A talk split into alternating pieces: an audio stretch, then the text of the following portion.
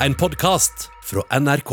Ukens høydepunkt for eh, mange radiolyttere, og også oss i- her i Nyhetsmorgen, Fredagspanelet.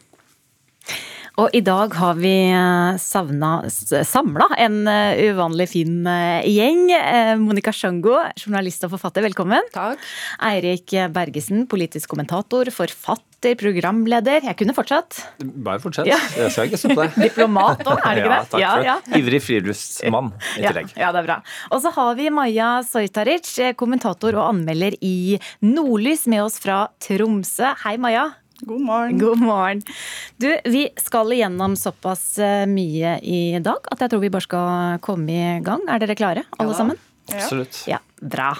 Vi starter i eh, Kina. Vi har jo snakka om det tidligere i dag. Det er nøyaktig én uke igjen. Da starter altså det omstridte, må vi si, vinter-OL-et i Beijing. Oppladningen for den norske troppen har vært alt annet enn optimal. Én trener og tre utøvere er nå smitta av korona i langrennstroppen, som allerede skulle vært på vei til den kinesiske hovedstaden. Nå er det imidlertid usikkert om alle kommer seg til OL. Det er lett å være etterpåklok, men eh, akkurat nå så kjenner jeg ikke at vi kunne gjort så mye annet. Tror du at du kommer til OL nå, Pål? Nei. Man bare håper på at den kommer seg til Kina. Ja, Vi hørte til slutt Therese Johaug, og det er altså mange i den norske troppen nå som er fortvila, føler på oppgitthet etter å ha ofra måneder på trening. Mange har isolert seg for å unngå smitte og ikke truffet familie, venner eller kjærester på flere måneder, faktisk. Spørsmål, første spørsmål til panelet er følgende. Er prisen toppidrettsutøverne må betale for høy for at vi skal kunne se sport på TV? Hvis vi begynner med deg, Monica Sjango. Nei. Eirik Nei. og Maja. Nei. Her var det enighet. Eh, Monica, eh, hvorfor nei? Nei, altså Jeg, jeg syns ikke synd på norske sports uh, toppidrettsutøvere. Det du beskriver der med å være isolert fra venner, familie og kjærester osv., det er jo bare noe hele verden har opplevd. Og i en slags mangel da, på en adel, så blir jo eh, sportsfolk eh, behandlet som konger og dronninger. Det er ikke slik at de blir tvunget til å, å utøve skisport, de gjør det helt frivillig. Og det blir kastet millioner etter dem. Nå er det dessverre slik at eh, pandemien skiller ikke mellom høy og lav, og da er det også slik at eh, skisportutøvere blir rammet. Det er irriterende, jeg kan ha en slags sympati. Men dessverre ikke empati i dette tilfellet. Ja, sympatien, Erik Bergesen, kan ikke du føle på den, da? Uh, ja, det måtte være eventuelt å gå tilbake til mine egne dager da jeg skulle prøve å bli skiskytter i OL på Lillehammer. Og For å si Det sånn, det var, det var verken isolasjon fra noen andre eller, eller noe annet enn mangel på talent uh, som forhindret meg i det. Uh, men men den, den drømmen var såpass, såpass levende at det, det jeg tror det, jeg kan forestille meg at det er vanskelig å bytte bort, eh, enten det er isolasjon eller hva det er for noe. Um, og jeg var, var og trente her i, i går, og igjen på et veldig lavt nivå, uh, på et helsestudio. Og da var det en, en kar som hadde sånn The the harder the battle, the sweeter the victory på ryggen. Um, og, og, men er det ikke et eller annet der, da? Kanskje? At, at, rett og slett at det skal jo koste litt grann, eh, for, å, for å da stå igjen på den pallen. Og når du gråter, um, så, så er det kanskje noe, noe, noe, noe der som er en del av prisen. Vi må få med oss Tromsø, Maja Sojtaric. Jeg er, jo, jeg er jo enig med Monica. så det her er jo The Olympic Games, ikke Hunger Games. Det er liksom ingen som tvinger folk til å uh, drive på med toppidrett eh, på aller, aller, øverste nivå. Uh, jeg tenker også det er uh, kanskje en fordel for norske internasjonale relasjoner at vi skreller bort den norske langrennstroppen her, siden Norge har investert så voldsomt mye integritet på å etablere idrettsforbindelser med Kina, som har eh, mer eller mindre betydd at 60 norske skitrenere har trent kinesiske utøvere til å lære seg uh, fiskebein, eller hva det nå heter.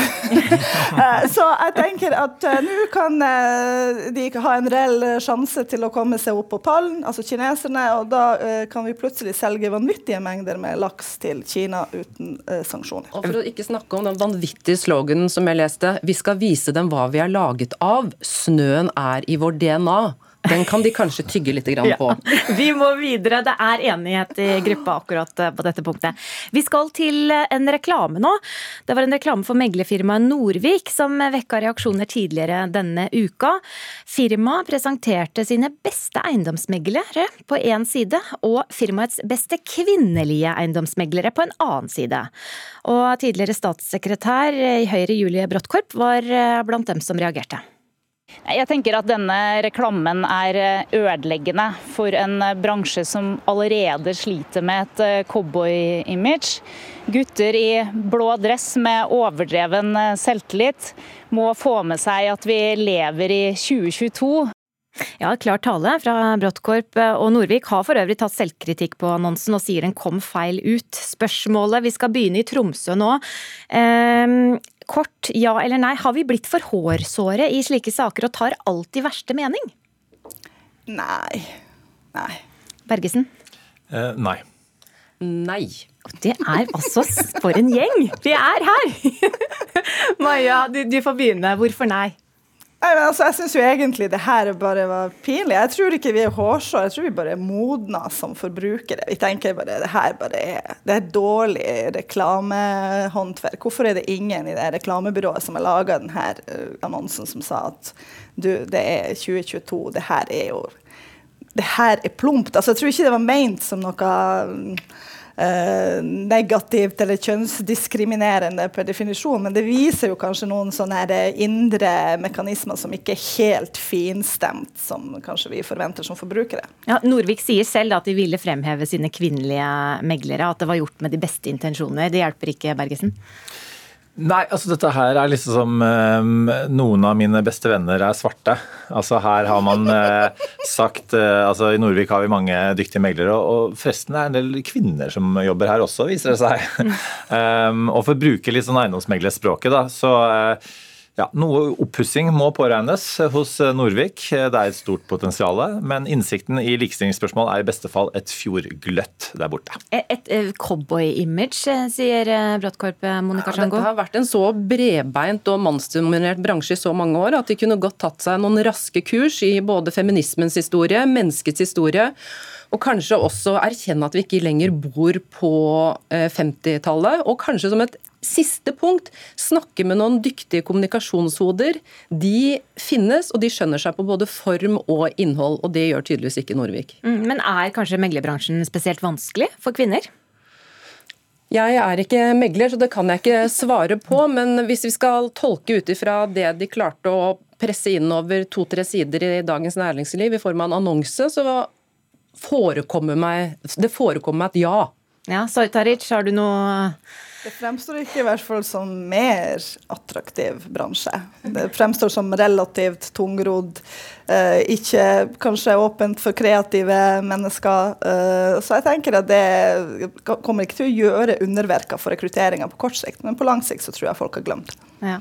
Vi bør ikke legge godvilja til her, eh, Bergesen, og tenke at bransjen gjør så godt de kan altså, Veien til helvete er jo brolagt med gode intensjoner. Og intensjonene er åpenbart på plass her, så det er iallfall en start. Mm.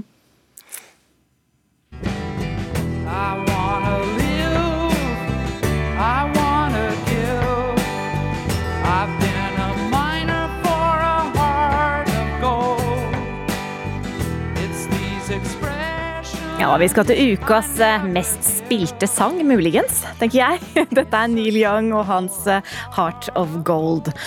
For denne uka så stilte nemlig artisten Neil Young et ultimatum til strømmetjenesten Spotify. Han sendte altså et brev til plateselskapet sitt hvor han ba dem fjerne all musikken hans på Spotify. Og grunnen er at programleder Joe Rogan eh, han har en podkast på samme strømmetjeneste, og i denne podkasten skal han ha spredd vaksineskepsis. Neil Young vil rett og slett ikke være tilknyttet noen i denne situasjonen, da Spotify som bidrar med den slags. Er det riktig av en verdensberømt artist som Neil Young å bruke innflytelsen sin på denne måten? Da starter vi med Eirik Bergesen. Ja. Monica Sjango? Ja. Og Maja Sojtavic? Altså, det her er jo det mest enige panelet jeg tror jeg som har vært på fredag. Sånn. Ja. Her er det ikke noe friksjon i det hele tatt. Dårlig sort. Ja. Um, hvorfor et ja her, Bergesen? Nei, og ja, ikke fiksjon. Altså, det, vi, jeg, jeg, liker jo ikke at vi er altfor konsensusorienterte i Norge. Og jeg er ikke så veldig sånn, glad i alt som måte, lukter av kanselleringskultur heller. Men eh, jeg tror nok ikke heller poenget til Young var å, å, å kansellere noen. Jeg, jeg tror ikke han tenker at han har den makten. Han har vel noen sånn 6 millioner eh, avspillinger i måneden på Spotify. Rogan har 20, så jeg tror ikke han regnet med å vinne fram. Jeg tror han regnet med å skape oppmerksomhet rundt vaksineskepsis, som er veldig stor i USA. Og det har han jo åpenbart klart. Ja, Lykkes med det, Sjango? Ja, det vil jeg tenke. Og så syns jeg det er litt fint å vite om bakteppet også. Fordi at eh, Neil Young fikk polio da han var barn, som eh, femåring. Eh, og fikk virkelig smake på hva det betyr for noe dersom du er uvaksinert og du kan bli rammet av alvorlig sykdom. Mm. Um, men jeg syns jo det er fantastisk at en artist bruker makten sin på den måten, og ikke minst bruker makten sin i forhold til de store monopolene. Eh, så jeg tenker jo at eh, Spotify skal få smake litt på den beske smaken av mm. at eh, så mye låter forsvinner fra et arkiv. Men viser ikke Spotify litt muskler her også da, Soitaric? At de ikke lar seg presse av Neil Young? Det er det som faktisk er det viktigste poenget her. At uh, Spotify har jo tatt uh, ned Neil Young uten å mukke. Og det som uh, på en måte den her altså Hvis Neil Young hadde gjort det her mot et redaksjonsstyrt medium, så hadde jeg kanskje vurdert det annerledes. men det som er, skjer her, er jo at Spotify har sopt opp podkastmarkedet fullstendig. Altså, de er blitt en kjempeaktør. De har tatt, som strømmetjeneste så har de på ti år eh, gått fra å ha 7% markedsandeler i USA til å ha 83% markedsandeler. De monopoliserer eh, ordskiftet uten å ha redaksjonell styring på det som kommer ut fra deres flater. Joe Rogan har 11 millioner lyttere på sine eh, podkast som varer i tre timer, hvor eh, han ofte intervjuer folk som eh, påstår at vaksinasjon er massepsykose, eh, at, eh, at den amerikanske regjeringen regjeringa har uh, fordeler av at folk blir vaksinert fremfor å få hestemedisin i Vermektin. Så det her er jo ikke uh, bare et, et, et spørsmål om, om makta til Neil Young. Det er faktisk et mye større spørsmål om monopolisering av podkastformatet som Spotify holder på med å gjøre nå, uten redaksjonell styring. Dere, Vi kunne tatt en frokost etterpå vi nå og hatt et slags nachspiel. vi skulle prata mer. Vi har dessverre ikke tid. Monica Sjango, Maja Sojtaric og Eirik Bergesen, tusen takk for et eh, ganske enig panel, da. It's better to burn out than to fade away, som Neil Young sier. ok. du har hørt en podkast fra NRK. De nyeste episodene hører du først i appen NRK Radio.